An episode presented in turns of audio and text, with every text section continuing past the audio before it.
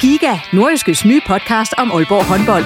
Vil du helt tæt på, hvad der sker i Danmarks største håndboldklub? Vi kommer selvfølgelig til at, til at gå all in. Så lyt til Giga, podcasten om Aalborg håndbold. Det går ondt på et hold som Aalborg, når man ikke leverer det, man gerne vil. Der sætter vi hver uge fokus på de vigtigste historier og største profiler. Dejligt at se, at han er den øh, afgørende faktor, som vi ved, han er. Lyt til Giga, der hvor du finder dine podcasts.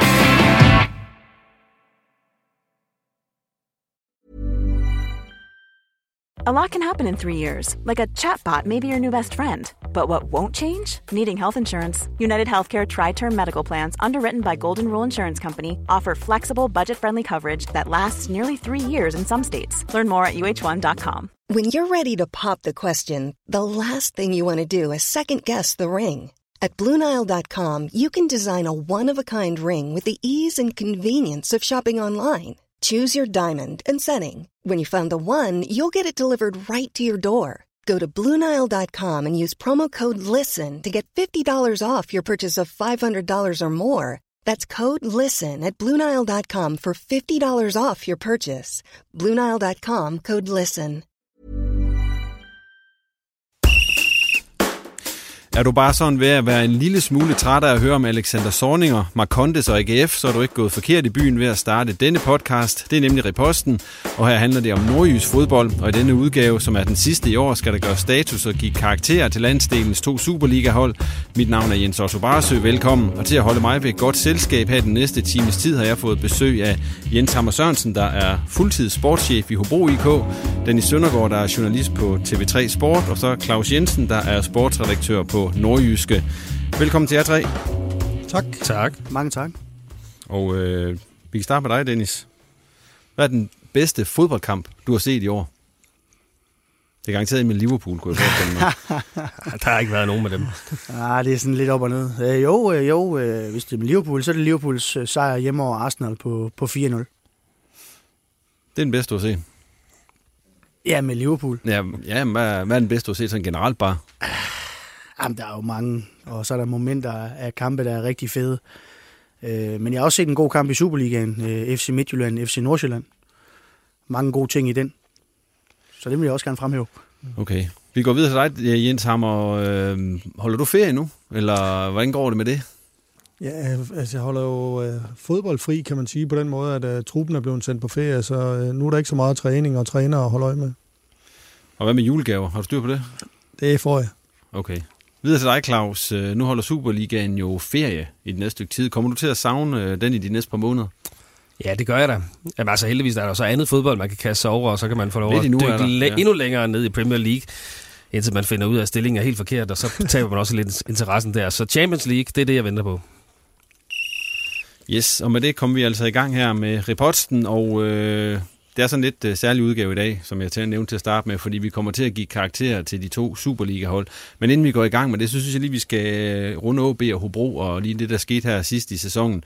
Og vi starter med OB. Hvis vi ser tilbage på de sidste kampe, som de spillede her i efteråret, øh, fik de jo hentet en del point, Claus. Øh, blev det bedre, eller var de bare heldige?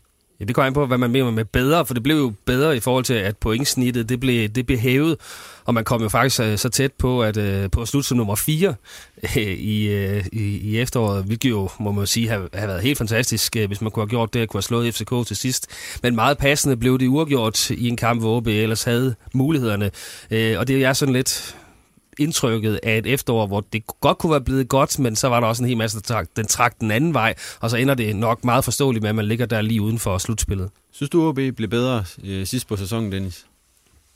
De hentede point der i hvert fald, og mm. vandt nogle kampe. Nej, jeg synes ikke at rigtigt, at OB har, har spillet et godt efterår. Jeg, jeg synes, de leder efter øh, den måde, de gerne vil spille på. Øh, jeg kan ikke rigtig forstå øh, sådan, den måde, de griber det an på, øh, i forhold til, hvad Vikors gerne vil, som man ved, han gerne vil. Og så sådan, de ender.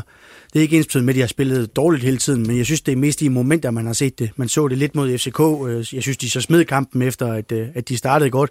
Men anden halvleg mod FC Midtjylland på hjemmebane, den var, det var flot, for det var mod et fremragende hold. Og den kamp skulle de have vundet. Har kritikken været lidt for hård OB, når man så ser på, at de alligevel ender med at være i pokalkvartfinalen, og så øh, på en syvende plads øh, et point fra at være i den der top 6, der er deres målsætning? Er det fordi, vi har for høje forventninger til dem? Ja, men det er jo også nogle forventninger, de selv er med til at sætte op, for de gør jo meget ud af, at OB skal være et hold, der spiller flot, offensiv fodbold, og det har vi jo også været vant til i de seneste øh, mange sæsoner med mesterskaber osv., at det har været på offensiv fodbold.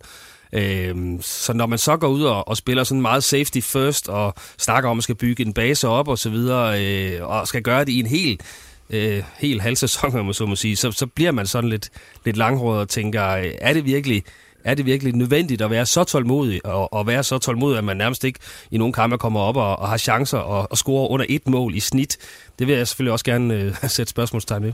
Hvis man spørger ud i OB, så er de sikkert meget godt tilfredse alligevel med, med sådan som det ender rent pointmæssigt, og, og også med pokalkvartfinaler og så videre, Dennis. Øh, hvad tror du, de tænker derude? Jeg tror ikke, de er tilfredse med, med, med den måde, de spiller på. Jeg tror ikke, de er tilfredse med det antal chancer, de skaber. Jeg tror ikke, de er tilfredse med det flow, de har i spillet. Og jeg tror ikke, de er tilfredse med, hvis du spørger længere op ude i OB, øh, de er tilfredse med, hvad de har fået af output for, for de mange penge på transfermarkedet. Fordi de er jo rent faktisk begyndt at bruge penge OB på transfers. Og der har de jo, man kan ikke sige, at de har ramt plet med andet end, end målmanderinde, synes jeg. Jens, øh, nu ved jeg godt, du vil jo ikke øh, helst ikke stå og sige noget dårligt om OB, øh, og det er også helt fair, men hvis du sådan skal prøve at snakke, øh, sådan sætte ord på det OB-hold, du har set her i efteråret, hvad for et hold synes du så, det har været? Jamen, jeg synes jo, altså jeg synes jo faktisk, at jeg helst vil tale om den anden ende, for jeg synes, at OB er et, et hold, der er rigtig svært at komme til chancer mod i, i åbent spil. Øh, de kom ret øh, tidligt foran i en kamp nede ved os øh, efter ganske få minutter, og der sled vi for at være helt ærlige med at komme til de helt store chancer. Så der synes jeg, at de har forbedret sig markant. De stiller sig også med fem forsvarsspillere og, og to defensive midtbanespillere. Så, så det er jo klart, så skal det blive svært at score, øh, både i den ene ende og den anden ende. Og, og, det, og det er jo et valg de to efter, efter Sønderjyske kamp, hvor de tabte med 4-1, hvor det, hvor det hele var noget rod. Mm. Og siden dengang, så har de jo fået nogle resultater, og det skal man jo til hatten af for, når tingene ikke fungerer, at man så sadler om. Det er jo pragmatisk, kan man sige. Man ser også med, med et hold som FCK, som har mistet spillere og så videre, og hentet nogle nye ind og så videre. De er også i gang med at, at bygge noget op. Og er, er, ikke også, er det også den fase, OB er i nu? Det er det jo, men problemet er, at, at, at det er også meget... Øh, og forlangt, at nu, nu har de syv kampe til at, at få angrebet til at fungere, for det har ikke rigtig for alvor fungeret her i det her efterår her, og det, og det skal jo fungere, for jeg, jeg nægter simpelthen at tro på, at man kan komme i top 6 med, med at score under et mål i snit per kamp, så der skal ske et eller andet dramatisk øh, på, på målfronten i de her kampe, der venter efter, efter øh, vinterpausen, siger jeg, så starter vi der øh, i nærmest i starten af februar, hvor der kan være minus øh, 15 mm. grader næste år. Men øh, lad os bare kalde det forår alligevel. Øh, der skal ske noget dramatisk, og jeg er i tvivl om, den nuværende trup har det, der skal til. Øh, og det tror jeg også, Allan Gård er, øh, hvorfor han sikkert også holder øje med et eller andet spændende derude. Øh, nu ringer han jo nok ikke til Hobro og spørger på, på en nordmand nu, hvor at, øh, han sikkert er blevet voldsomt dyr med den her kontraktforlængelse. Han vil gerne sælge Jens, hvis, det, hvis, hvis, ja, man, hvis han giver nok. Jeg til at sige, nu, at man er vel nordjyde, men i virkeligheden så er du nok mere kronjyde. Ja. Ja, Claus, nu går du netop lidt i gang med det næste, fordi der går jo blandt andet rygte på, at øh, Kasper Kusk han øh, kommer tilbage til, til OB. Vil det være det rigtige valg for, for både OB og Kasper Kusk? Ja, jeg synes at det vil være rigtigt for Kasper Kusk at komme videre, fordi der tegner jo billedet nu, at han ikke på noget tidspunkt kommer til at spille fast i FCK, og nu mindre måske end nogensinde. Øh, så, så for hans vedkommende skal han videre. Spørgsmålet om han skal tilbage til OB, det, det tror jeg, at han selv har tykket en del på at tænke, det er måske ikke lige tiden. Det er i hvert fald har det, han har tænkt indtil nu. Men spørgsmålet er selvfølgelig, hvad der ellers melder sig af bejler. Jeg kunne da forestille mig, at øh, Kent Nielsen nede i Odense også kunne, kunne finde på at række hånden op, hvis øh, Kasper Kusk kan komme øh, på markedet og blive, blive til at betale for FCK. Hvad tror du, Dennis? Tror du, at Kasper Kusk og OB vil være en lykkelig genforening? Øh, I det nuværende system, så skulle han spille vingbak. Det tror jeg bestemt ikke, det vil lykkes på nogen som helst måde. Men jo, det vil være godt for Kusk, det vil være godt for OB. Det synes jeg. Om så han kommer tilbage og har lyst til at komme tilbage, det, det er en anden historie. Han har en, en løn, som OB slet ikke kan modsvare lige nu. Og øh, når jeg har snakket med ham, så siger han, at han er utrolig glad for at, at bo i København. Jeg ved, Malmø har været ude efter ham. Det er også en, en stor klub, så, så jeg ved ikke, om det ligger så meget i kortene for Kasper selv, men jeg tror, det vil være godt for ham og det har aldrig rigtig været en god idé at, at, at skulle komme over, når man ikke er bedre defensivt, end han er, og så spille øh, fløj under ståle. Og der kan man sige, at med det system, som OB og det ved vi ikke helt, men det de måske skal til at spille fast, nemlig det her 3-4-3, og, og hvis Flores øh, og Tillufsen ligesom er de foretrukne øh, på de her to kanter, øh, så kan man sige, så skal han jo ind i stedet for en af de to, og der passer det måske meget godt med, at Flores ryger til, til sommer, til, hvis han spiller et, et hederligt VM, øh, og så er der en ledig plads der. Hvad mangler OB ellers? Øh, altså nu snakker vi om Kasper Kusk, men øh, altså, som jeg ser det, Sylvester ryger, så har de vel reelt set kun tre angriber tilbage, og den ene har ikke spillet hele efteråret. Det er Ramkilde, der har været skadet, og så man kan, man kan vel ikke forvente, at han brager ind i øh, en ung spiller, der ikke har spillet nogen Superliga-kamper nærmest. De snakker jo meget om ham, Ramkilde, men altså, nej, han er jo ikke en faktor, når han ikke har, har spillet hele efteråret, så kan han ikke blive en faktor til de første kampe. Det nægter jeg også at tro på. Øh, så, så de har da et problem der, hvis øh, Pol eller Safranco øh, ligesom øh, går i stykker, jamen, så har de ikke noget alternativ til den der midterste position i, i 3-4-3-systemet. Så jeg, jeg kan ikke se andet, end de skal ud og investere i noget. Tror du også, de henter en angriber, Dennis? De har betalt penge for Schiafranco, øh, transferkroner, sign-on fee, stor løn. Øh, så jeg ved ikke rigtigt, om der er, er flere kroner i kassen til at, til at få mere, men jeg ville mene, de skulle have en angriber. Øh, nu når Schiafranco, det er selvfølgelig også tidligere aflive ham, for, for vi ved jo, det kan tage lidt tid at, at komme ind i dansk fodbold. Jeg husker også en Darman Døj for eksempel, ligne en pose nødder i, i et halvt år, inden han, han blev helt fantastisk. Mm. Så det kan jo ske, at de ændrer sig. Pål så heller ikke sådan her ud for, for et stykke tid siden. Så, så, så jo, de har da brug for en angriber mere, det har de da helt sikkert, men jeg tror heller ikke, det er specielt let at være angriber i OB lige nu. Gorte så jeg sagde her efter den sidste kamp af FCK, at de skulle ud og, og finde noget. Øh, altså han, han er godt klar over, at de mangler at score mål. Hvis de ikke skal have en angriber, hvad skal de så have, som skal skaffe dem mål? så skal de i hvert fald have en, en, en 8'er, og ikke to 6'er, som de spiller med i øjeblikket. Altså, jeg synes ikke, at Philip Lesniak for alvor øh, Godt nok er han tidligere Tottenham-spiller, men øh, jeg synes ikke for alvor, han er trådt i karakter. Han ligger der øh, i smørkladen omkring øh, Rasmus Wirtz, men jeg synes ikke, han fylder voldsomt meget defensivt, og, og han kommer ikke med en hel masse ellers offensivt. Jeg ved godt, han scorede sidst mod FCK, men altså, det var heller ikke noget specielt øh, voldsomt imponerende spark. Han fik sendt afsted der. Jeg husker også nede i udkampen mod Horsens, hvor han har et par rigtig fine skudmuligheder på, på kanten af feltet, hvor han stort set ikke er i stand til at få den trillet, øh, trillet så hårdt, så den kan komme over stregen. Så et eller andet sted, så synes jeg jo ikke, det er løsningen, det der med, med Lesniak på den position. Og, og hvis Rigsgaard er ved at være, øh, kan man sige, over sidste salgstatus, så savner jeg en løsning der offensivt. Det er, jo, det er jo en trup, der skriger på, på fart og dynamik og individuelle kompetencer, og derfor kunne Kusk jo være skræddersyet tilbage i, i OB, øh, kunne komme med den her uforudsigelighed som OB ikke har rigtig lige nu. Og, og jeg er helt enig, en, en inde på den centrale midtbane med, med fart i støvlerne, med skudstøvlerne, en der kommer i boksen, en, øh, en, øh, en Rigsgaard, øh, som han var i, i, i tidligere udgave, det ville også være fremragende. Hvad med Rolim? Nu fik han øh, spillet det her sidst på sæsonen. Øh, var det for sent, han blev sat i spil? Nu kender vi jo ikke hans fysiske niveau, for det har de haft meget travlt med at tale ned, men hvis han sådan stort set har, har været her hele efteråret, og godt nok okay, omkring 1. september begyndte at træne igennem for alvor, så burde han jo ikke have et kæmpe fysisk efterslæb på det her tidspunkt.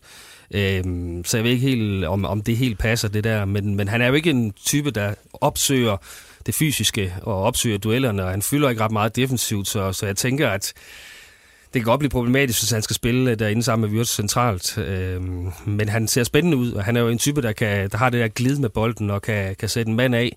Øhm, så, så jeg så jo gerne, at han øh, spillede fast øh, på en eller anden måde, og det skal jo næsten være det system der med, øh, med 3-4-3, fordi han er, han er heller ikke nogen defensiv ørn. Hvad skal man sige til Dennis, at man skriver en halvårig, eller en etårig kontrakt med en spiller, som så skal bruge et halvt år på at komme i form?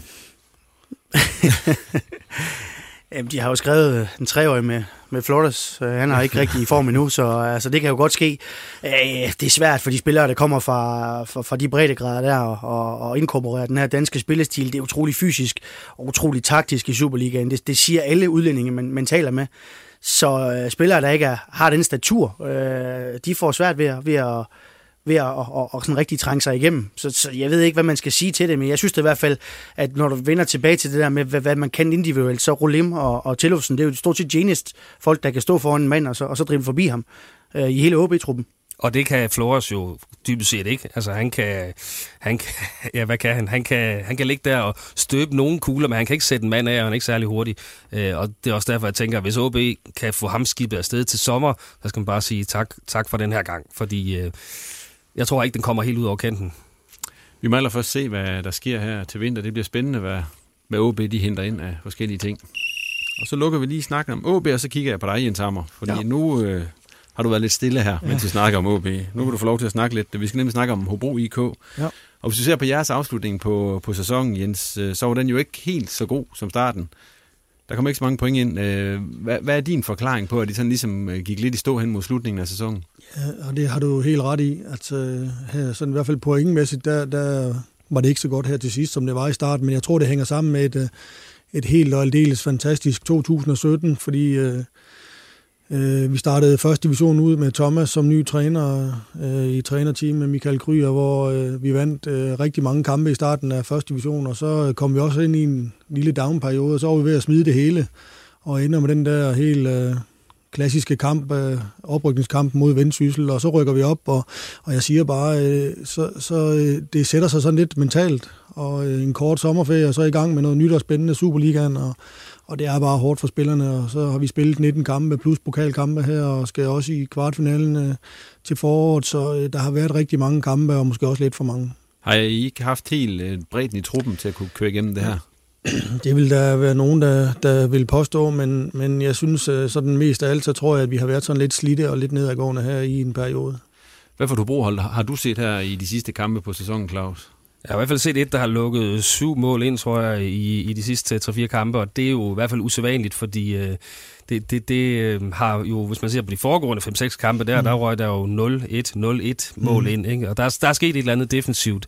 Øhm, og der kan man sige, der er det jo egentlig også blevet, det der, der er blevet skiftet mest i løbet af efteråret, fordi øh, Bøge har været skadet, og, og Justesen har stort set ikke været inde og spille, øh, så har man kørt lidt med... Øh, med, øh, hvad hedder det, norske Amankvær, som var skadet i starten af sæsonen, men som kom ind og så faktisk har gjort det, det rigtig godt. Øh, men ja, der er blevet brugt, især på bakkerne, rigtig mange løsninger. Øh, koblingen har siddet tungt og, og solidt på den ene bakke, men den anden, den er der virkelig øh, blevet kastet op i luften mange gange, og man har skulle haft venstrebenet spillet over at spille på, i mm. højre side osv. Så, videre. så og plus, at jeg tænker, at, at også på kanterne mangler der måske noget defensivt arbejde i nogle af dem, der, der spiller derinde i, i Barbajan og, og Mikkelsen, og, og især Danny Olsen. Øhm, og det, det spiller vel også ind i, at, at det ikke sådan altid her, her til sidst har set lige, øh, lige solidt ud nede bagved. Jens, på et tidspunkt så det jo, det havde jeg også et solidt forspring til blandt andet OB og så videre. Ærger du dig lidt over den måde, det ligesom sluttede på, eller hvordan Nej. ser du på det? Jeg kan sige, øh, når jeg nu startede med at sige, at det var et fantastisk 2017, så kan jeg sige, at, øh, at, øh, at vi fik en oprykning i sommer, og hvis du har spurgt mig der, om vi har fået 27 point i 19 kampe i Superligaen og ligget nummer 4 ved vinterpausen, og så du spørger mig nu, om jeg synes, det er skidt, og jeg er lidt ked af det, så, så kan jeg sige, at det er jeg ikke på ingen måde, at jeg synes, vi har været rigtig målsøgende faktisk i vores fodboldspil. Vi har scoret, der var altså noget af det, øh, man kan få god viden af, det er jo, når man taler med journalister som jeg. Der var en, der sagde til mig, at I har scoret 50 procent flere mål end OB. Øh, vi har scoret øh, 27 mål i 19 kampe, og vi har rent faktisk ramt træværket over 10 gange. Så, så jeg synes, vi har spillet målsøgende fodbold, og vi har haft masser af afslutninger og, og scoret rigtig mange flotte mål, hvor vi kommer lidt tilbage til Pål. Så jeg synes, det har været en helt fantastisk 2017 for os, og også et fint efterår alt i alt. Var der noget, Dennis, i det du så i Hobro i foråret, som gjorde, at du kunne tro på, at de ville få sig et efterår? Nej, i Superligaen, nej, det er, jo, det er jo en anden disciplin. Øh, jeg synes også faktisk, at Hobro stod i en situation, det snakkede vi også om tidligere, ja, ja. manglede kampafgørende spillere, manglede nogen også, der kunne øh, have lidt fart og, og sætte nogen af. Så Paul han går helt amok, øh, og Mistrati han øh, knaller igennem, og det er selvfølgelig din, din ære, at, øh, at du finder så dygtig en spiller. Så, øh, så nej, det, det, det, det kunne jeg da slet ikke forudse. Jeg, jeg troede ikke, at Hobro kunne være contender til top 6 overhovedet ikke.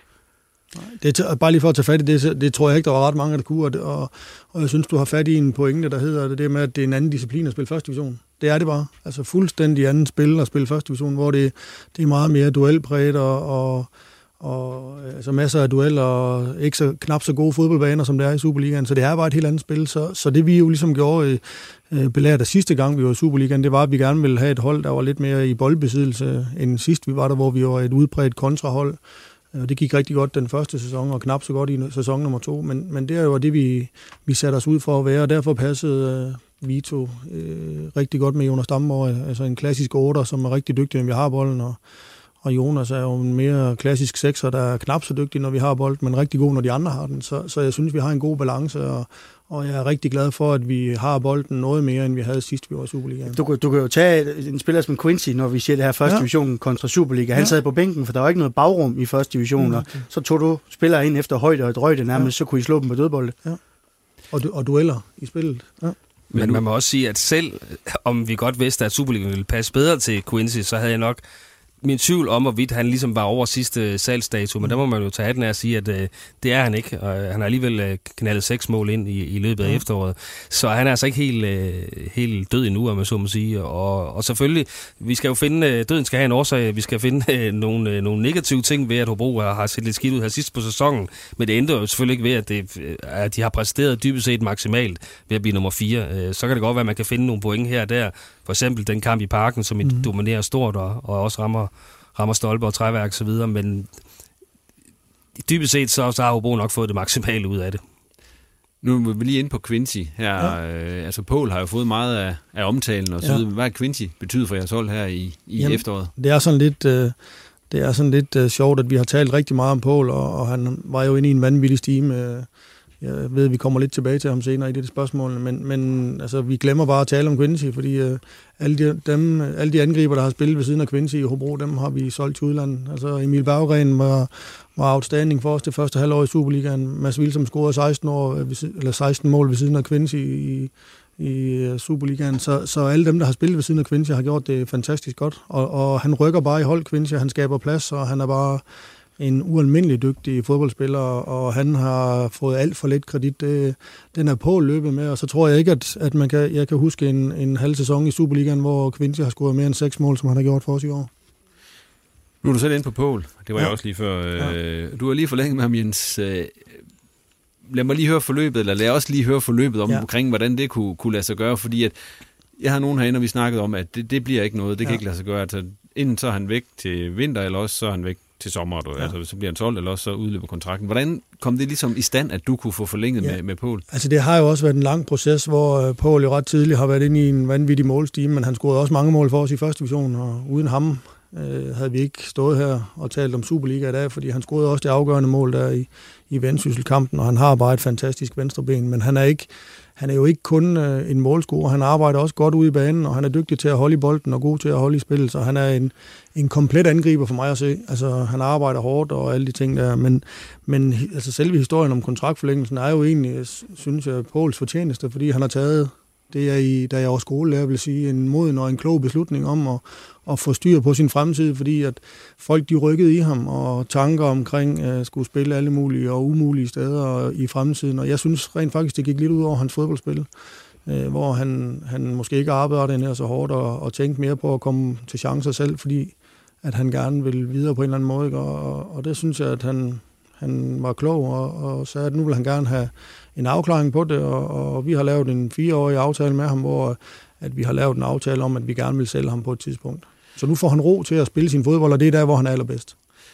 Men hvor, hvor lang tid var den her snak undervejs? Altså, det, vi, vi snakkede jo om ham sådan lidt nogle gange, og det er jo sådan lidt et, et spejt spil, kan man sige, fordi at, at øh, jeg har altid haft indtryk af, at Paul gerne vil være her. Altså, han elsker at være i klubben, og, og han er den, der er der allermest. Altså, han beder jo Michael Gry om at komme ind til, på, på fridage og hjælper med træning, og han træner derude selv hele tiden, så han er der rigtig meget, men, men det der sammenhold og det kammeratskab, de har i, i truppen, det skal man ikke undervurdere i det her. Altså, han har et godt sted at være, og så skal du heller ikke... Øh, han, han spiller hver uge, og han, han er fast mand på holdkortet, og, og han er rent faktisk, han har spillet sig til en plads øh, på det norske A-landshold. Øh, så jeg tror samlet set, så vil han gerne spille fodbold, og så, øh, så øh, lave en god sæson, øh, og så se, om vi kan sælge ham til sommer til. Altså, og det er jo også det, Robro har fået. Har fået en god mulighed for at, at finde en rigtig god klub til Pol, hvor han kan fortsætte sin udvikling, og, og, og selvfølgelig også se, om vi kan tjene nogle penge på det. Hvor dyrt var det for jer, det her? Det, jeg vil gerne sige, at han fik en, en, en lønforhøjelse, men så har vi heldigvis også kunne uh, få nogle klausul, klausuler ud af hans kontrakt, så det er helt os, der bestemmer prisen nu. Det, det er jeg overrasket over. Ja. Jeg er meget overrasket over, at han ikke har frikøbsklausul, han ikke har uh, det klausuler. Ja. Ja, det, det synes jeg så skal næsten rejse en statue af dig, fordi ja. det, det, det, er over, det er overraskende for mig i hvert fald, fordi det, det var mit spørgsmål. Hvad har ja. han fået, så han kan slippe væk? Altså, men uh, ingen klausuler, siger du? Nej. Hvad siger du, Claus, til, øh, til den forlængelse her, som, som Jens han fik på plads? Var du overrasket, da den dumpede ind? Det var du vel, ligesom alle os andre? Ja, det var jeg lidt, øh, men jeg, da den så kom, tænkte jeg, jamen det er fint nok, det betyder, at familien er, er væk til sommer alligevel. Nu får Hobro så bare nogle penge for det, øh, for ham, og så bliver jeg selvfølgelig overrasket over at høre, at man selv kan bestemme, øh, hvad, hvad der skal stå på den der check.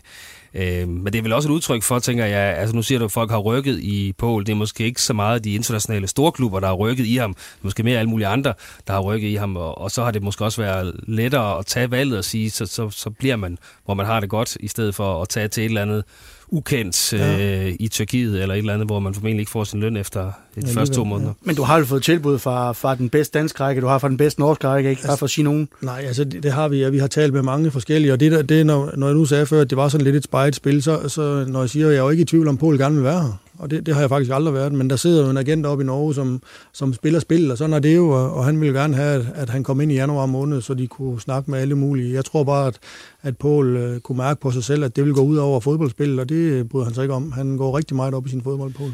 Kunne du godt frygte lidt det forår, der så vil komme med Pål? Øh, nu står man jo for eksempel øh, en spalvis i OB, der ja. efter han fik sin fremtid på plads, så ligesom mere eller mindre stemtet ud. Øh, kunne du godt frygte det lidt i det her forår, der vil komme? Ja, det var det, vi, det var vores øh, store frygt, at, øh, altså, at, at folk de rykkede i ham, og han tænkte mere på, hvor han skulle spille han efter sommerferien, øh, frem for at præstere hver dag på fodboldbanen, og det det er jeg glad for, at vi kommer ud over den, fordi nu har han nemlig ro til at spille sin fodbold, og så øh, må vi kigge på de øh, tilbud, der eventuelt kommer. Og dem kommer der nogle af, det kan jeg love.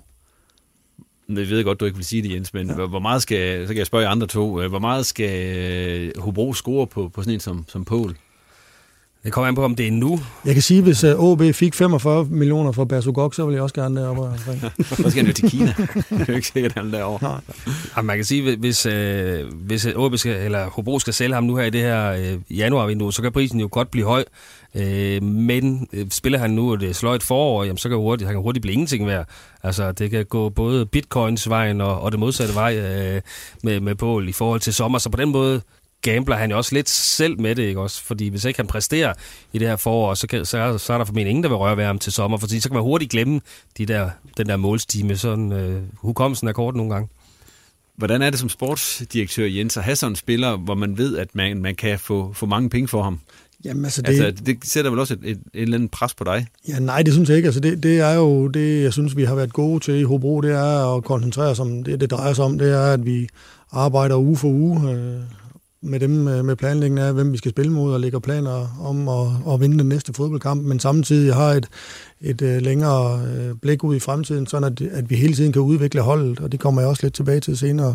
Men, men der er ikke noget pres på som sådan. Det, der er pres på, det er at vinde kampen om søndagen. Men sådan selv er det kan vel eller redde jeres, eller nu siger jeg redde, det er forkert ord at bruge, men sikre jeres klubs øh, eksistens, og, og den kan køre fornuftigt de næste mange år. Ja, hvis vi laver et godt salg, så kan det da.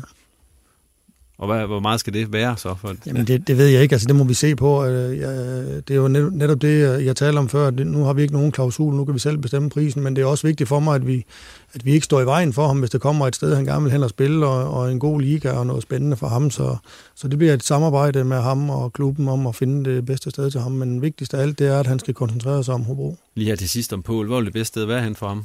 Nu, lige nu er det selvfølgelig Hobro. Ellers er han ikke forlænget, men øh, mm. hvor tror I andre? At han øh, kunne få succes? Noget Bundesliga måske. Altså, der er det vigtigt, at man kan arbejde hårdt, og det kan han jo, og han er fysisk stærk. Øh, så, så det tror jeg kunne være et, et udmærket sted. Han skal ikke øh, sådan til, til Holland og Italien, den slags steder der. Øh, sådan noget arbejde, arbejde og ordning mod sign i, i, i den tyske Bundesliga kunne godt være interessant, synes jeg. Lige her til sidst, Jens, med jer og dig, så ja. skal jeg lige høre, du er jo fuldtidssportschef nu. Ja. Hvordan øh, er den hverdag i forhold til det, du har været vant til tidligere? Ja, den er jo helt anderledes. Altså, man kan sige, nu møder jeg jo ind på kontoret om morgenen, hvor der ikke rigtig er nogen øh, spillere, øh, og sidder der. Men jeg, ellers er jeg jo med ud til træningen igen, og det er jo det, ligesom det, jeg synes, der er den store fordel, det er, at, at jeg får den, min daglige gang med spillerne og truppen igen og trænerne, at, at jeg ligesom har føling med, hvordan det går, og så... Øh, så øh, er der jo ellers den daglige planlægning, som jeg også gjorde før, du ved, med udekampe og bespisning og hvad der nu ellers måtte være, overnatninger og sådan noget. Men, men samlet set, så skal jeg jo arbejde frem for klubben, at, at øh, vi bliver lidt bedre forberedt på fremtiden, og, og lige nu er jeg i gang med at sammen med nogle andre at skrive øh, en sportslig strategi omkring øh, vores fodboldklub, og det er et rigtig spændende arbejde, og øh, så synes jeg, det, det kunne klæde klubben, og, og du ved, at kunne tænke lidt længere frem i tiden. Det giver vel også et pres på dig, fordi at, øh, ja. der er nogen, der mener, at du har gjort et godt stykke arbejde dernede, ja. men nu skal det være endnu bedre, det du laver, fordi nu har du dobbelt så meget tid til det. ja, men det er da rigtigt, og det har jeg også selv tænkt på, men, men det jeg synes, øh, man kan sige, det, nu går vi ind i et vindue, og det har vi faktisk aldrig været bedre forberedt, end, end vi har været på det vindue her. Øh, så kan man så sige, at det er lidt øh, paradoxalt, at nu har jeg endelig tid til det, men vi har egentlig lukket vores vindue ved at få to øh, drenge ind fra første division. Øh, Alexander Bavn, en spændende ung knægt fra, fra Skive, øh, og og Frans øh, Putros fra Fredericia, som, har, som er en rigtig dygtig forsvarsspiller, som i øvrigt har scoret ni mål i første division her det, i efteråret her. Så vi er egentlig færdige med vores vindue ved, at vi forlængede aftalen med Polen, så vi, med Polen, så vi har de uh, spillere, vi skal bruge her i foråret. Hvad for nogle opgaver har du fået nu, som du ikke havde før? Jamen det er det, jeg siger med at skrive sådan en sportslig strategi der, og, og vi har faktisk et, øh, et ret stort arbejde foran os, fordi at, at jeg synes jo, at, at sådan selve sammenhængen i klubben har manglet lidt, fordi vi har øh, faktisk lavet et øh, rigtig godt samarbejde med OB og med, med Vendsyssel omkring et topcenter for U10 til U12-spillere øh, øh, her i, Nordjylland, og der har vi fået en del af det, og, og så har vi en T-licens, der, hvor vi har licens til at spille øh, de bedste rækker for U13, 14 og 15, og så mangler vi noget der i, fra 16, 17 og 19, og det er det, vi gerne vil gå efter nu, det er, at vi får det, der hedder en B-licens, øh, så vi kan lave nogle fodboldspillere, som har en lokal forankring. Det er faktisk noget af det, der betyder allermest for mig, at vi kan lave noget, noget god fodbold øh, og talentarbejde på langs af fjorden, og gerne ende ude i Hadsund. Hvor stor en omvæltning har det været der for dig? Jamen, det har, været lidt en, altså, det har jo været en omvæltning. Altså, jeg synes jo, øh, da jeg havde ferie fra skolen før, så var det min, min dagligdag, som den er nu. Så på en måde, så føler jeg lidt, at jeg har ferie fra skolen, men, men, men øh, må det ikke øh, det på et tidspunkt gå op for mig, at, øh, at jeg rent faktisk er sportschef på fuld tid. Nu siger du så, at I er i gang med den her strategi og så videre, men ja. hvad, hvilke andre steps er det, som Hobro skal tage i, i de kommende år med, med dig som ja, altså det, det, det, der hele tiden har været øh, noget af det, har været, øh, der har været allermest spændende ved at være i Hobro IK, det er, at vi har været en lille klub, som har taget masser af små skridt frem i verden, og, og det skal vi blive ved med. Det er det allervigtigste for mig, det var, at, at vi fandt ud af, at spillerne, hvis vi skal, hvis vi skal være i, i top 16 i dansk fodbold, altså enten i Superligaen eller lige i toppen af, af første division og spille med om Superligaen, så, så skulle spillerne have nogle bedre vilkår. Det gav vi dem, og nu er de på fuld tid, og trænerne er på fuld tid, og nu er sportshjælp, sportschefen kunne hjælpe mig også på fuld tid. Så det er vigtigt for mig, at vi ikke går i stå, at vi hele tiden skal finde nogle procenter og, og finde vores niche, øh, der gør, at vi er berettiget i Superligaen øh, i dansk fodbold. Så øh, vi skal hele tiden udvikle os hver dag. Sådan helt konkret, hvad kunne det være det, det næste, I sådan lige går ind og gør? Jamen, der, jeg synes, der er mange ting. Altså lige nu og her, der, der skal jeg faktisk øh, sådan rent konkret i gang med at finde øh, en målmandstræner. Vores målmandstræner Martin Jensen har holdt Øh, så det skal jeg ud og finde, og det er faktisk rigtig svært, fordi de skal have en bestemt licens for, at vi kan opfylde licensen til at være i Superligaen. Så det bliver sådan et helt specifikt arbejde, jeg skal i gang, i gang med nu. Men ellers så bliver det noget med, at, at jeg synes, at nu når vi har spillerne på fuld tid, så kan vi godt øh, bede dem om at være lidt længere tid i klubben og måske se noget video og, og, og nørde med, hvordan de bliver endnu bedre. Hvad synes I andre to, øh, Hobros næste step, det bliver? Jamen, de har jo taget så mange steps, og, og spørgsmålet er lige nøjagtigt, hvad man kan sætte fingeren på, at man bare sådan lige kan forbedre, men det er jo hele professionalismen omkring det, og, og, og, og simpelthen bare steppe væk fra alt det her øh, landsbyklubs øh, halløj, som det har været tidligere, men ikke er længere. Øh, og og det, er jo, det er jo noget, man skal vende hele klubben til. Det tager lang tid, at det skal gennemsyre hele, hele organisationen. Det kan du vel bekræfte. Du er lige gået på fuld tid. Ja. Jeg er helt enig. Og så derudover, så bliver det næste skridt vel også at få nogle flere kolleger til dig, så du ikke sidder helt alene på kontoret. Altså det ved jeg, det gør du ikke, men, men stadigvæk uh, talentchef, uh, direktør, og, og på den måde få, uh, få bygget et team op, uh, tænker jeg også skal ske hen ad vejen. Ja, jeg er enig. Og, og det er bare lige sådan for at komme tilbage til, at vi, vi har talt rigtig meget om Thomas Berg, som er en dygtig træner, men jeg siger også, at, at ansættelsen af Uwe var jo også med til at, at, at præge klubben i en mere professionel retning. Det var faktisk noget af det, han blev ansat til, og, og vi fik uh, professionelle forhold for spillerne, og, og de kom til at træne en masse mere, end de har gjort, og det er lidt det schema, vi stadigvæk følger, så, så hele tiden at være i gang med at blive bedre, det, det betyder rigtig meget for mig. Det skal jo være sådan, at vi ikke står her og snakker om, at det er en sensation, når ja, I er i top 6. Lige nok det. Vi må se, hvad vej det går med Hobro de kommende stykke tid med en fuldtids sportschef ved roret og, og mange tiltag i søen, som vi kunne høre. Nu skal vi til at give karakterer og så videre, og øh, inden vi gør det, synes jeg så lige, at vi skal øh, lave noget andet. Ja. Fordi at øh, vi plejer at uddele tårhyler og tvangsanekdoter, men nu Mother's Day is around the corner. Find the perfect gift for the mom in your life with a stunning piece of jewelry from Blue Nile. From timeless pearls to dazzling gemstones, Blue Nile has something she'll adore. Need it fast? Most items can ship overnight. Plus, enjoy guaranteed free shipping and returns. Don't miss our special Mother's Day deals. Save big on the season's most beautiful trends. For a limited time, get up to 50% off by going to BlueNile.com. That's BlueNile.com. Når det er sidste gang inden jul, så har jeg bedt jer om at gøre noget lidt andet. Og det var, at I skulle komme med et juleønske og et nytårsfortsæt. Og vi tager ikke begge to nu. Vi tager bare juleønsket først, og så tager vi nytårsfortsættet til sidst i udsendelsen. Men uh, Dennis, uh, dit juleønske, det må gerne være noget med fodbold. Det, er også skrevet, det kan også være... Nå, men jeg vil godt øh, være sådan lidt lokal øh, og sige, at det kunne være et rigtig godt juleønske for mig at sige Hobro i top 6. Det under jeg dem for det store arbejde, de har lavet. Og så er det altid fedt, når OB er i pokalfinalen, og jeg tror, at lodtrækningen er til det. Det er Fredericia, og øh, så kan man jo øh, få sandsynligheden øh, af at møde vinderen af, af Randers og Silkeborg i en eventuel semifinal, og så, så kan man jo godt stå i, i en pokalfinal. Mm. Dit juleønske, Jens? Ja, det har også noget med fodbold at gøre. Det er, jeg vil være ualmindelig glad for, hvis vi uh, kunne indfri en ny uh, Superliga-sæson til næste år. Jeg har jo været lidt mere konkret, fordi det der, de står og snakker om der, det kan man jo ikke få i julegave. Mm. det er jo noget, der sker en gang langt ud i fremtiden, så jeg har været så meget egoistisk og siger, hvad ønsker jeg mig til jul? Yeah. og det skal have noget med fodbold at gøre. Yeah. så jeg har skrevet Joey Bartons No Nonsense på, ah, på, uh, på min ja, ønskeliste. Okay, yeah, yeah. den har jeg ikke fået fingre i endnu, men, men hver gang jeg ser og læser referencer til den, tænker jeg, den skal, den skal jeg have læst. Han er jo en, en bad boy i, i fodboldens øh, regi, og har været fra Newcastle til Marseille og tilbage igen, og, og øh, begået den ene dumhed efter den anden på Twitter. Men angiveligt skrevet en bog, eller fået hjælp til at skrive en bog, som er utrolig intellektuel og spændende. Så den, øh, den vil jeg gerne have derude. så det er et helt konkret juleønske ja. der fra, fra dig, Claus. Og det var altså Joey Barton med No Nonsense. ja. Hør din kone det her? Øh, nej, men jeg tror lige, jeg skal have ja. den lagt ind på hendes telefon, den her. Ah, okay. Det var juleønskerne, og så kommer vi til karaktererne, og øh, som de andre gange, vi har givet karakterer her i reposten, så er det jo 13-skalaen, vi bruger. Det er den, øh, som vi er bedst bekendt med. den, vi, vi fik de encifrede karakterer i den, i stedet ja. i skole. Fik du ikke 0,3? nej, nej. nej, okay, nej, nej 5, okay, 5 og 6, okay, du. Godt. Øh, men øh, vi starter simpelthen med... Skal vi starte med OB?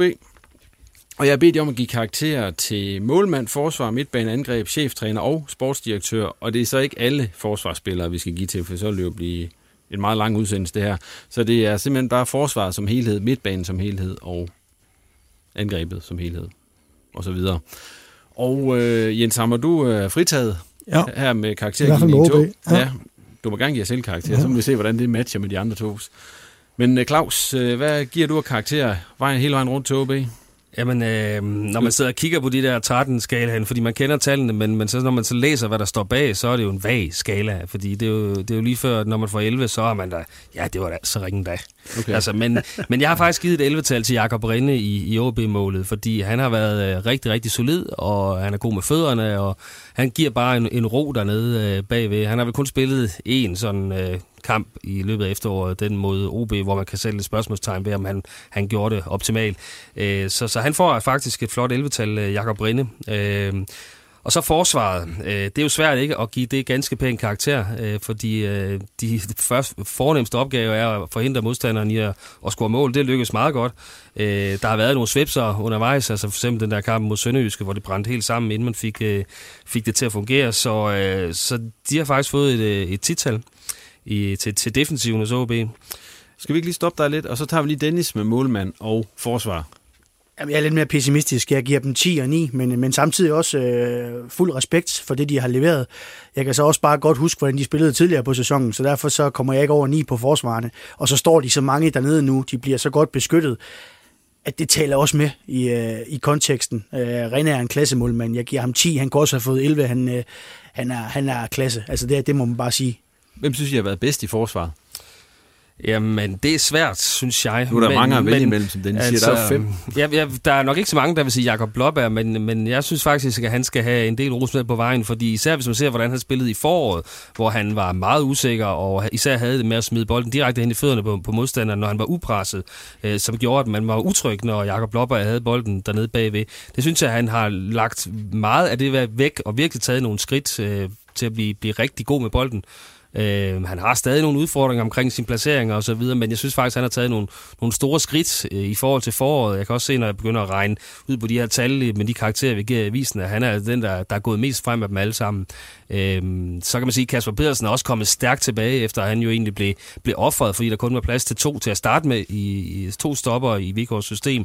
Han er også kommet stærkt tilbage.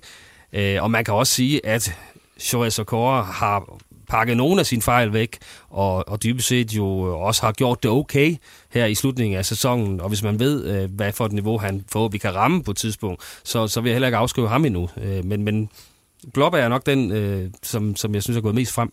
Er du enig i det, Dennis? Ja, det er jeg. Jeg synes faktisk, jeg har lyst til at rose dem alle sammen for mentaliteten, for de har været meget udskilt. De har skudt brystet frem, og, og de er kommet så over. Altså hvis man tager hver, hver især en Okora spillet helt horribelt mod Sønderjyske. Blåbjerg blev skruet helt ned i, i, i græsset ned i MCH Arena af Charlotte. Og så rejser de sig relativt hurtigt bagefter. Øh, det synes jeg, det er stort af dem, og, og flot, og, og, og viser virkelig bevis på, på modstandsdygtighed. Vi går videre til øh, midtbane og angreb, Claus. Ja, midtbanen, der er svunget op til et syvtal. Øhm, og det er jo Stadigvæk bestået. Det er stadig bestået, men øh, der, der er issues, og det er så især omkring, øh, når Rasmus Wirtz spiller, at der ikke er en øh, tilstrækkelig visionær spiller øh, ved siden af eller foran ham øh, med, med et otte på ryggen. Øh, og så har jeg også nogle udfordringer omkring Frederik Børsting, der har spillet den der den ene kant, fordi øh, han er jo altid garant for en arbejdsindsats af en anden verden, og han er hurtig, og øh, ja, men problemet er også, at hans boldbehandling den er rigtig sløj ofte. Og, øh, men han har alligevel scoret nogle mål, øh, så, så det er sådan lidt... Øh, man kan ikke helt finde ud af, om man skal elske eller have øh, Frederik Børsting. Øh, men faktum er, at han har været med i en del, øh, så, så helt skidt er det jo ikke. Øh, der er bare plads til forbedring. Så det bliver sådan den der jævne, øh, lidt middelagtige syv, som, som jeg tænker, det var sådan lidt... Ja, ja. Det var, man kunne godt gå hjem og fortælle mor og far, at man fik syv, men det var ikke noget, man sådan var stolt af.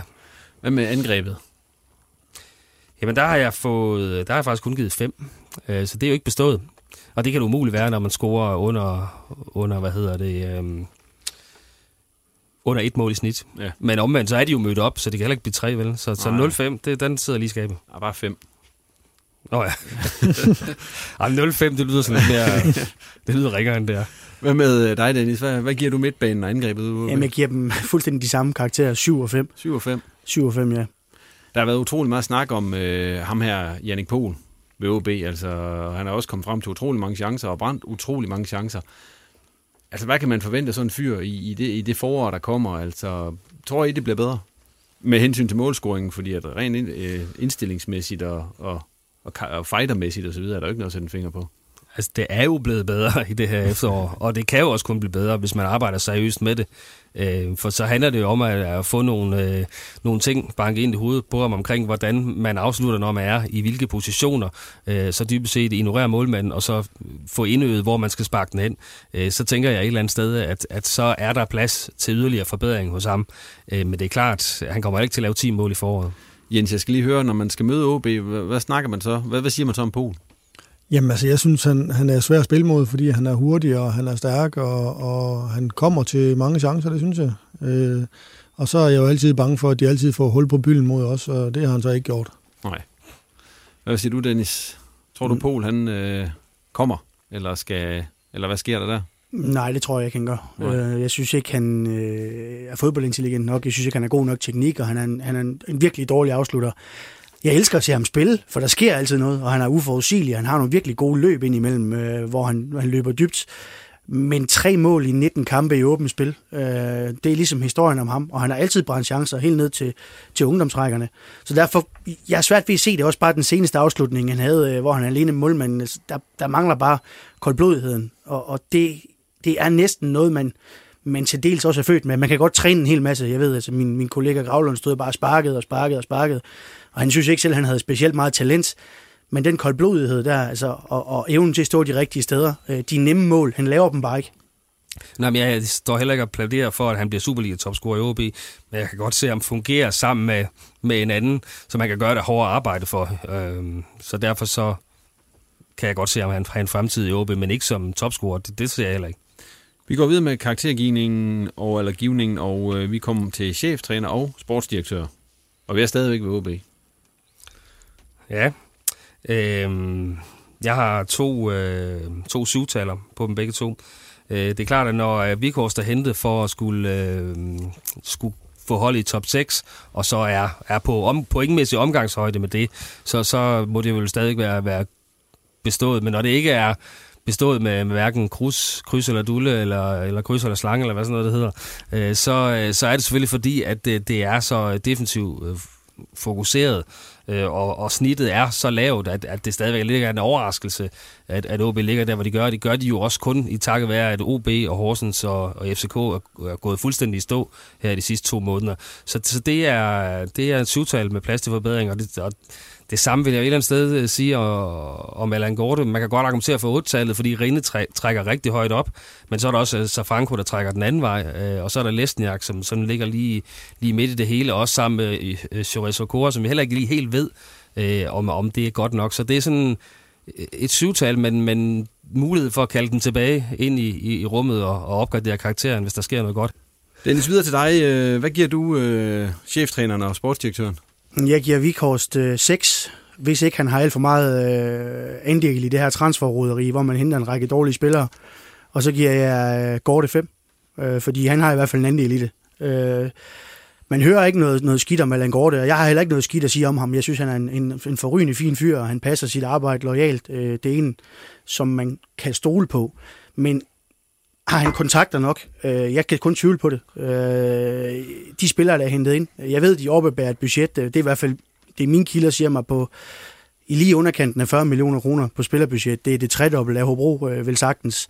Og det synes jeg, altså der fejler man, øh, når man henter så mange dyre spillere ind. Man betaler transfers for dem, det gjorde man ikke under Lønge Jacobsen. Så, så synes jeg simpelthen ikke, han er bestået. Derfor femtallet. Øh, ja, og det er bedømt på efteråret her. Og så lidt af vidstheden om, hvad der er sket tidligere. Basogok er jo, er jo fantastisk, øh, og det kan man jo leve længe på. Mesterskabet, det dobbelt, øh, vil jeg tilskrive Lønge Jacobsens øh, hårde arbejde. Han er selvfølgelig kommet ind og har gjort det færdigt, men, men det, det vil jeg ikke kreditere ham for. Hvis han vinder et mesterskab selv, ja, så selvfølgelig. Øh, men der er stor rum til forbedring på, på transferfronten. Det var karaktererne til OB. Skal vi tage dem for Hobro? Nu er vi er i gang og så gemmer vi det her bedste og dårligste kamp og så videre, til vi lige har rundet Hobros karakter.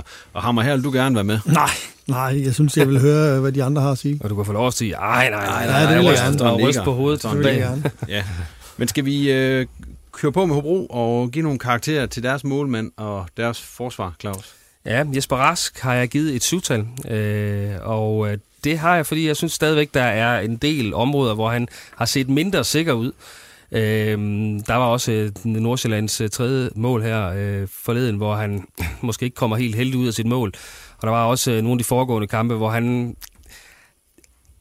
Og det er jo noget, han er udfordret af, og har hele tiden i sin karriere været udfordret af. Han er ikke voldsomt god med, med benene øh, og fødderne, når han skal, skal deltage i det der spil. Øh, så øh, det her syvtal, det svarer vel nogenlunde til en, den, den middelgode præstation. Øh, og det er nok der, jeg ligger på ham. Øh, forsvaret Øh, hvad er skrevet der? Der er skrevet et nital, øh, og det er selvfølgelig fordi, at man i lange perioder formår at, at lukke godt af øh, nede bagved, også med, selvom man er nødt til at, at skifte rigtig meget ud blandt de, de der fire, der spiller dernede.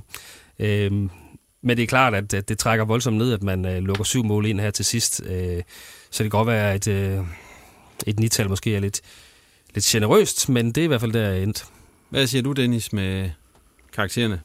til jeg synes sådan generelt, at Jesper Rask er jo sådan vokset igennem tiden. Jeg synes, at øh, et meget stort otte har jeg på ham. Øh, og forsvaret, der har været et hav af skader. Jeg synes, det er lidt svært at vurdere øh, deres arbejdsbetingelser. Jesper Bøge er utrolig vigtig i det, i det fremadrettede spil, og øh, jeg vil godt give dem, give dem 8 øh, for præstationen set over overall øh, med de problemer, de har haft. Og så har vi sensor, oversensor. Jens Hammer, er du tilfreds med de karakterer? Jeg synes, de var lidt for lave. Surprise. Vi går, vi går videre til øh, midtbanen og angrebet hos Hobro Claus. Ja, midtbanen, det, den kan vi dele op i den centrale akse med øh, øh derinde med, med Jonas Brix Damborg, og så øh, Hammershøj Mistrati. Fordi øh, de ligger jo op i, i øh, de tocifrede beløb, øh, eller de tocifrede karakterer, men så er der nogle kanter, hvor det kniver med at brænde igennem. Altså, Danny Olsen har været skuffet over øh, Barbajan. Det svinger utrolig meget i niveau. Øh, Martin Mikkelsen, øh, rigtig god i sin gode øjeblikke, men svinger også lidt i niveau. Og der er for meget... Øh, for meget, øh, kan man sige, for mange udsving på de der kanter, og derfor så ender jeg nede på et, et enkelt tal, nemlig øh, et nital, og det er jo de to centrale, der, der virkelig trækker det op, for det har været to af de, de bedste på hver sin måde. Jens, han kigger rigtig ondt på dig lige nu. Kan nej, nej. kan jeg lige så godt sige. Nå, angrebet, Claus. Øhm, angrebet, der står 10. Øh, de har lavet 19 mål øh, ud af de 27, øh, Hobro har lavet, så, øh, så 10, øh, det må være med pil op af. Jeg kunne sikkert også godt argumentere for, for 11. Det vil da være en sensor, der kunne overtale mig til, tror jeg. Og nu smiler han igen, Jens, skal så sige. Ja. ja. Øh, hvad siger du, Dennis, til midtbaneangreb i Hobro? Jamen, jeg er meget på linje med Claus. Jeg er nemlig også delt op, fordi jeg Martin Mikkelsen øh, og, øh, skuffer. Øh, det samme gør Daniel Olsen. Inden centralt, der øh, overrasker de meget, meget positivt. Så, så lagt sammen har jeg otte inden til, til, til midtbanen, men jeg har altså to cifre øh, også til, øh, til en Mistrati for eksempel. Så det er lidt, øh, lidt ærgerligt. Øh, bare Bayern har jeg kæmpe forhåbninger til. Øh, en af, ny spiller, som jeg godt kan lide at se og, og spille, fordi han kan de her uforudsigelige ting. Han har indtrædet accelerationen og, og mod i sit spil. Mm. Men så går jeg så altså højt op på, på, på angrebet. Jeg giver dem simpelthen 13. Altså det, jeg har set for Pol, øh, er så fabelagtigt i Superligaen. Han kan jo klare sig selv og, og være farlig helt for sig selv. Quincy øh, kommer fra en forfærdelig skade og, og leverer på så højt niveau. Så derfor, jeg giver dem den her høje karakter. Jeg ved godt, det, det er måske, måske lidt for meget af det gode, øh, men man kan også give dem 11, men, men omvendt så Paul, jeg kan ikke se, man kan gøre det bedre på nogen som helst måde, end han har gjort. Altså, jeg vil godt være med til at gå en op, hvis du går en ned, så siger vi 11. Skal vi mødes på den? det, kan vi, det kan vi godt, men jeg tænkte, nu er, nu er jeg jo så negativ over for HB, så går jeg jo rose Hobro lidt. Ja, man skal huske på, at, øh, og det, det, det mindede jeg mig også mig selv om, da jeg lige skulle lave det her, at, at, at Altså, Hobro har kun et point mere end OB, mm. så det er ikke sådan, man kan sidde og sige, at, øh, at det hele har været, været elendigt i den ene leje, og så fantastisk i den Nej, anden. men jeg tænker på forudsætningerne. Nu taler jeg et tredobbelt budget, og mm. det har jeg med i min kalkyle, det skal, jeg, ja. det skal jeg sige. Mm. Cheftræner og sportsdirektør. Ja, cheftræneren øh, bliver nødt til at have et, et tital, øh, fordi øh, han har fået det optimale ud af truppen. Øh, og så kan man så sige, at hvorfor så ikke mere? Øh, men mere vil jo have mere.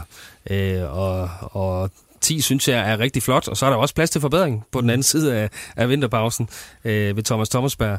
Øh, og så er, der, øh, så er der ham der, Jens Hammer. Hvad står der her? Uh, det bliver spændende. Uh, ja, Jamen, øh, der stod øh, 9, men så fordi han forlængede med Kirkevold, så bliver jeg jo nødt til at sige 10, og det er jo det er jo uh, Mistrati uh, uh, også, der, der ligesom trækker alvorligt op der, fordi jeg tror der nok, der var andre Superliga-klubber, der, der tænkte, ah, det kunne godt at vi skulle have plukket ham alligevel, uh, der måske har tvivlet lidt på, om man kunne tage steppet op i Superligaen. Uh, nu spillede de mod FC Nordsjælland den anden dag. Jeg tror, at han kunne, kunne passe fint ind på deres hold, men nu insisterer de selvfølgelig på at lave deres egen. Så tital til Jens Hammer. Ja. ja. Og hvad siger du, Dennis, til til Thomas Berg og Jens Hammer? Ja, Thomas Berg, det er et, solidt arbejde, synes jeg, han har leveret. Øh, Tital til ham.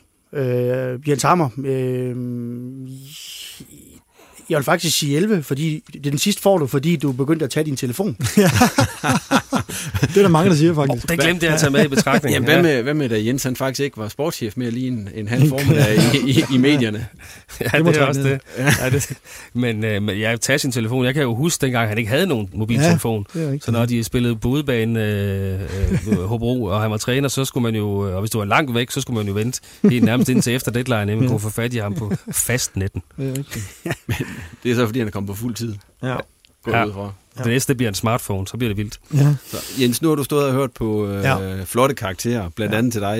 Ja. Synes du, det flugter nogenlunde med, hvis du nu sad og skulle lave en karakterskala over Hobro her i altså? Ja, jeg synes, øh, jeg synes, de rammer meget godt. Altså, jeg synes, øh, vi har et fantastisk godt trænerteam, og jeg er enig i, at altså, de har fået rigtig meget ud af truppen, og, og vi har en, en en ret smal trup og har brugt mange af de samme spillere, så, så samlet set der er jeg nogenlunde enig med dem, og, og jeg synes, at, øh, at vores angrebsstue der med 19 mål, det, øh, det er altså rigtig flot. Det er begge to, de har leveret på et rigtig højt niveau, så, så har vi også øh, nogle unge fyre øh, ude, øh, som er klar til at tage over, som faktisk minder både om Paul og om Quincy, den, den lille Sabi og, og Grønning, så, så øh, jeg synes samlet set, så, øh, så rammer de nogenlunde de karakterer, jeg også selv havde givet. Så skal vi ikke give flere karakterer, men nu skal vi lige have kåret nogle øh, forskellige ting her i løbet af efteråret, og det gør vi både for Hobro og OB. Og vi kan starte med bedste og dårligste kamp for OB. Claus. Ja, dem, dem tager jeg gerne.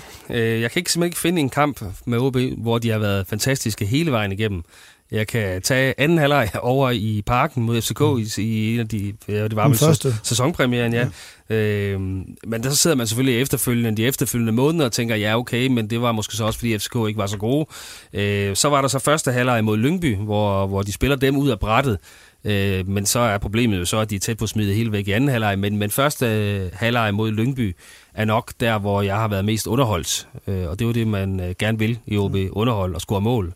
Øh, så, så, så det bliver den der første halvleg. Øh, men det kan ikke blive den kamp, for de anden halvleg var forfærdelig.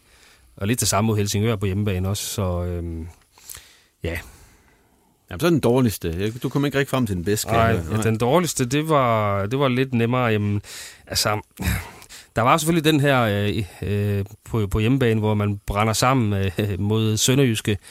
Problemet i forhold til at kalde den den dårligste kamp, det var faktisk, at man, man skabte jo chancer nok, sådan set, øh, så, så der spillede man godt offensivt, men smed det hele væk defensivt. Øh, vi skal faktisk ikke så langt tilbage for at finde den her hjemmekamp mod UB, som man tager 2-0, som jeg synes var, var rigtig, rigtig skidt, fordi man ikke rigtig skabte chancer af betydning. Og det ved jeg godt, at så vil vi også sige, at det passer ikke. Og så vil han sætte mig ned foran et, øh, en VHS-optager eller, eller noget lignende, og så, ja. så sætte den igennem. Men de skabte ikke store chancer, de skabte forbavsende lidt, øh, og de stillede alt for defensivt op i mine øjne mod, mod et OB-mandskab, som, øh, som måske var lidt, lidt tungt nede bagved og var, var karantæneramt. Så, så den er faktisk øh, noget af det mest skuffende. Dennis, du får sms'er. Nej, det er, ikke, det, er ikke min telefon. Han spørger siger endnu. Nej, men den er din øh, bedste og dårligste OB-kamp. Øhm, jeg har sjovt nok øh, den mest komplette kamp. Øh, det bliver 0-0 nede i Odense. Det, jeg synes, de spillede rigtig godt OB. Øh, jeg var meget øh, tilfreds med, med, med indsatsen, og, og jeg synes, de øh, skabte sjældent meget i den kamp i forhold til, hvad vi ellers har set. Og så er det selvfølgelig klart, der, der er hejs omkring øh, Lyngby, den måde, de starter på. Men igen, man leder efter den her konstante præstation, hvor de sådan har været gode hele vejen igennem. Det er også svært at spille en perfekte kamp, det skal siges, men, men de har så heller ikke gjort det. Det synes jeg bestemt ikke, de har. Øh, dårligste kamp, øh, Sønderjyske, 1-4 hjemme, det var, det var forfærdeligt. Skal vi lige tage øh, med Hobro med det samme, og så kan Jens starte, når vi tager Hobros øh, bedste og dårligste kamp. Øh, hvad for en kamp synes du har været bedst for jer i det her efterår, Jens? Mm, jeg synes, vi har spillet nogle rigtig fornuftige kampe faktisk. Øh, nogle gode sejre i starten, men jeg synes, øh, altså der hvor vi har spillet bedst, var, var uden tvivl, synes jeg, 4-0 hjemmesejr over Nordsjælland. Og hvad var så den dårligste kamp i spillet? Ja, altså der, der, der er faktisk lidt nogen tvivl for mig. Det var øh, 3-0 nederlag nede i Odense, der synes jeg simpelthen, vi gjorde for lidt modstand. Jeg ved godt, Claus øh, og, og, og Dennis, de har måske lidt en anden kamp også, fordi vi har også tabt 5-1, men jeg synes, den her, den, den, der gjorde vi ikke modstand nok, synes jeg ikke. Hvad med jer, jeres vurdering af Hobros bedste og dårligste kamp? Det er jo svært ikke at blive, øh, blive enige om, tror jeg, at den der 4-0 hjemme over Nordsjælland, fordi man gjorde det på den måde, at man gik, gik relativt højt op på banen og mm. udfordrede dem, øh, og, og havde mest boldbesiddelse mod, mod et hold, der ellers øh, insisterer på at er bedst på det område. Øh, så var der jo på den pokalkamp efterfølgende, som, som var lidt en anden kamp, fordi det, der var det jo Nordsjælland, der havde bolden hele vejen, men alligevel mm. formåede så at, at trække det længste strå og også være iskold øh, i straffesparkene. Øh, det, det var sådan på anden måde også en stor præstation. Øh, men, men man vender hele tiden tilbage til den der Nordsjælland-kamp. Ja. Hvad var den dårlige så, du har set med Hobro? Altså, der var der en kamp nede i Odense, det var, det var ikke godt, men alligevel var der sådan en masse halve offensive mm. muligheder, men det er selvfølgelig den måde, man forærer målene væk med at, at snuble og, og både øh, er det øh, Tjørneløn, og det er Mankva, der laver nogle store de, defensive fejl, øh, som, som fører til målene. Øhm, men der var også den kamp nede i starten af sæsonen, hmm, nede i Aarhus, hvor i hvert fald første halvleg var rigtig skidt. Øh, det blev så bedre efter, efter anden halvleg, men, men der sad man ikke lige i hvert fald efter første halvleg nede i Aarhus, der i starten af sæsonen og tænkte, øh, nummer 4 her, her vi kom. Hvem er dig, Dennis? Jamen, Nordsjælland, den er ufravigelig. Øh, Jeg var nede i Odense og dækte den kamp mod, øh, mellem OB og, og Hobro. Jeg synes ikke, Hobro de var helt så dårlige. Det var, vi stod og diskuterede det lidt før, for, øh, for der var muligheder, og det var der både, da øh, det stod 0-0, og det var der også, da OB kom på 1-0. Jeg synes, de forsvarede sig rigtig dårligt i enkelte sekvenser, Hobro. Men Paul Alexander Kirkevold var farlig. Han går og scorede 3-4 mål, øh, og han, øh, der bliver lavet rødt kort mod ham. Det har Mads Kristoffer Kristoffersen også lige indrømmet over for mig. Øh, Så, så forfærdeligt synes jeg ikke, de var i den kamp. Jeg synes, de var dårlige hjemme mod OB. Der var de inde i en, i en skidt fase. De kunne ikke rigtig skabe noget Hobro. Og ellers er det selvfølgelig klart, når man bliver skilt af mod FC Midtjylland med 5-1. Det ser heller ikke godt ud, men det er bare et godt hold, FC Midtjylland, så der kan det ske. Vi går videre her i koringen, eller efterårskoringerne, og skal have efterårsspillere og efterårsskuffelse. Ja, Ja, og skal vi så starte med, med OB? ja start med OB. Øhm, jamen, der står så med Jakob Rinde som efterårets bedste spiller. Ja, og ham har vi sat en masse ord på allerede. Det har vi. Øh, og, og skulle man ikke vælge ham, så skulle man jo gå tilbage til en klassiker, øh, som ovenikøbet ikke har spillet så meget, men alligevel øh, efter en lang, lang pause med skader, er kommet tilbage på et rigtig højt niveau. Unaturligt højt niveau i forhold til, hvor længe han har været ude, Rasmus Wirtz. Hvem er skuffelsen? Øh, det, det, det kan næsten kun være øh, Barbal Safranco, fordi at han er købt for et, et pænt beløb, får en høj løn og øh, er blevet berømmet af Allan Gorter, og han siger, at han kommer til at score mange mål. Øh, men det har vi jo ikke set, og vi har faktisk også set ham blive dårligere og dårligere med bolden, som efteråret skred frem. Øh, så har jeg også Magnus Christensen dernede, fordi vi ved, hvor stort et talent han er, og han har egentlig allerede i sidste sæson taget nogle store skridt frem i nogle kampe, øh, men her i efteråret, de få han har spillet, når han ikke har været skadet, der har det ikke set godt ud, så der er i hvert fald rigelig plads til forbedring der. Hvem har du, Dennis for OB? Jamen, jeg er helt på linje med, Mirene som den bedste, og Franco som den største skuffelse. Og så er jeg svært ved umiddelbart at se, hvem der skal komme øh, på baggrund også af den måde, OB spiller på øh, i foråret, hvem der skal blive forløst. Jeg kan bare godt lide Tillufsen, fordi han, han kommer med noget øh, uforudsigeligt. Øh, det har jeg snakket meget om. Det, det savner jeg ved OB, og, og han har momenter, hvor han, han kommer med og kommer ind og laver gode ting. Øh, Jeg gad godt, at han kunne, han kunne få en fast rolle på holdet. Øh, Han kunne løfte sit niveau kontinuerligt. Øh, Så, så kunne jeg godt se noget for ham. Problemet måske med Tellufsen er, at nogle af de gange, hvor han er startet inden, der er det ikke set så godt ud. Når han så kommer ind i anden halvleg, tænker man, så ligner han en million. Og så starter han ind i næste kamp og ser lidt, lidt skidt ud i første halvleg, og så, ja, så, så han er sådan lidt en super sub, øh, i hvert fald når han spiller sine bedste kampe. Ja, han har Som- det der i blink, hvor man Mm. ser, okay, han er god, han kan noget, Ja, anden halvleg mod FC Midtjylland, for eksempel. for eksempel, ja. Hvis vi så springer videre til Hobro, for jeg går ikke ud fra Jens, som tidligere vil kåre år efterår til OB-spiller, så tager vi øh, Hobro med årets spiller, eller efterårets spiller og, og skuffelse. Jamen, øh, jeg giver den til Mistrati, og det er også fordi, jeg har været ved at, at, at regne lidt på nogle tal, øh, som gør, at øh, hvis man, øh, hvis man kigger lidt på, øh, på de karakterer, vi giver i Nordjyske, så ender han højst. Øh, og det er jo lidt... Øh, lidt påfaldende. Han selv er meget kritisk over for sin rolle, fordi at han ikke føler, at han er involveret nok øh, i omkring øh, assists, og han scorer jo ikke. Det er i hvert fald et, et, øh, så er der plads til forbedring der, kan man sige. Øh, så, så, så man kunne også tage Kirkevold, man kunne også tage Jonas Brix man kunne tage rigtig mange. Øh, men Mistrati, der kommer ind som ny i klubben og præsterer på, på det niveau, så han får den.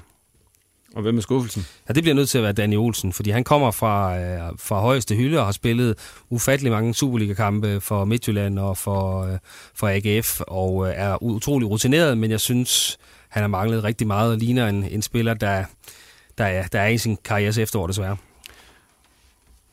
Jeg har, ja, jeg har Paul Alexander Kirkevold øh, hæftigt efterfulgt af, af Mistrati. Øh, jeg kan ikke se bort fra det efterår, som, øh, som Paul han har haft øh, med, med alle de mål. Mistrati er også faldet lige en, en kende her til sidst. Men så kan jeg også godt lide Koblin. Han kommer øh, altså også højt på min liste. Jeg synes, det er en forrygende spiller, og du kan give ham en hvilken som helst opgave, og så løser han den på et højt niveau.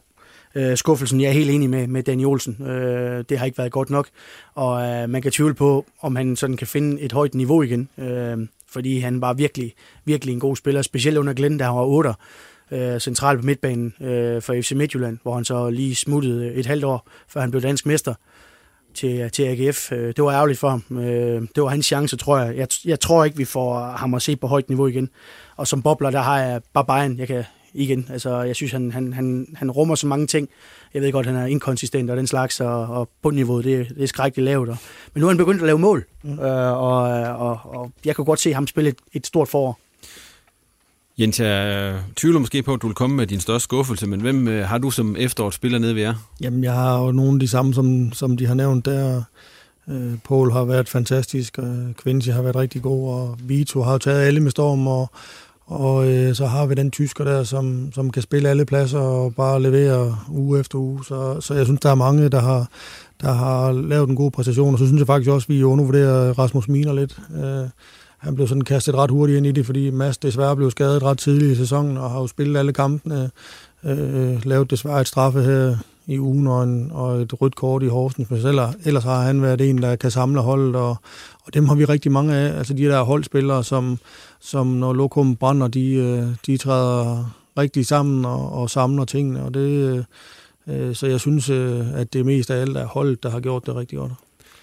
Og vi skal lige, øh, den tager hul på det, bobler. Hvem, ser du, hvem forventer du noget af i efteråret? Jamen altså, jeg er faktisk enig med Edgar der. Altså, han, han har så mange ting, som, som er rigtig, rigtig spændende, og, og sådan er det bare med unge spillere. De øh, har et frygteligt lavt bundniveau. Øh, men øh, ham, jeg har skrevet ned her, det er vores øh, gode ven Sabi fra USA. Han, øh, ham har vi skrevet tre år med, og og han ligner en, en ung kvinde til træning, hvor han er helt ustyrlig, og så har han desværre det der med de unge spillere, der, der, der, der kan have lidt svært ved at sætte det i kamp, så vi har forsøgt ham nogle gange i kamp, og der har det ikke set alt for godt ud, så, så vi håber, at han med en god lang vinterstart kan blive øh, endnu bedre til foråret, men det er bare, det er svært at komme ind og slå de to af, der ligger helt fremme, så øh, de skal gribe de muligheder, de får muligheder, der kommer, og så øh, håber vi, vi får mere at se til ham. Hvem er din bobler, Claus?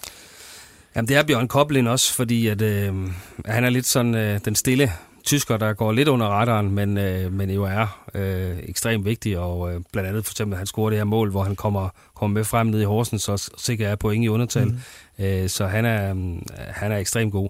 Øh, så, så det bliver bobleren, men der er mange bobler, fordi jeg kan også godt lide den måde, at Mangvær kom ind på holdet ja. øh, på, øh, og var rigtig, rigtig øh, solid længe. Mm. Øh, igen, hvis man lige tager den kamp ned i OB væk. Skal vi lige tage en bobler for OB også i to, inden vi slutter af med vores nytårsforsæt? Hvem har du for, for OB? Jamen, det var, det var, jeg nævnte jo faktisk Tellefsen før som, som bobler. Det, det var, du jeg, tog jeg, det med dig i, i, i, hele... Du tog et sweep der, fordi... Uden du spurgte mig. Ja, det var fordi, du havde fået det i forvejen. det var det. Ja. Og hvem tager du, Claus?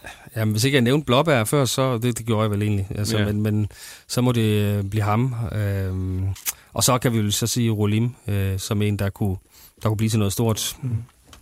Og så fløjter vi af for alt det her karaktergivende og så videre, og så springer vi simpelthen ud i at lige skal have jeres nytårsforsæt, inden vi siger tak for den her gang. Dennis? Jeg vil love dig, at West Ham de ikke rykker ned. det er et stort løfte at give. tak. Hvad siger du, Hammer? Ja, jeg vil, øh, jeg vil gerne sige, at øh, jeg vil være med til at arbejde og på, at hele klubben i Hobro IK bliver endnu bedre, og så at øh, de ikke fortryder, at de har ansat mig på fuld tid. Og videre til dig, Claus. Ja, men øh, jeg har lovet mig selv, at jeg skal være i bedre fysisk form, og så tænker man, ah, men er det muligt? øh, men ja, det Vi tror lægger jeg jo et billede op på Twitter her bagefter, så kan man selv altså, vurdere. Det er jo det, jeg Der er plads til forbedring. Slidt alvorligt med skader øh, i anklen hele efteråret, men, øh, og så kom influenzaen lige da oh, jeg skulle til at ud på landevejen, ja, okay. men ja. i 2018 bliver det anderledes, og så bliver jeg også i endnu bedre form her i studiet. Der er jo dem, der taber sig, når de har influenza. Jamen, det har jeg også gjort faktisk. Øh, jeg tror, det var 300 gram. Ja, og med det der lukker vi ned for reposten i denne efterårssæson. Tak til gæsterne, både dem, der var med i dag, og dem, der har været med i de øvrige programmer. Har du kommentarer, ris eller ros, så kom med dem på Twitter eller Facebook. Og på vores ønskeseddel, der står som sædvanlig anmeldelser i iTunes. Til sidst så er der vist kun tilbage at sige god jul og godt nytår, og vi ser frem til 2018 med masser af god nordjysk fodbold.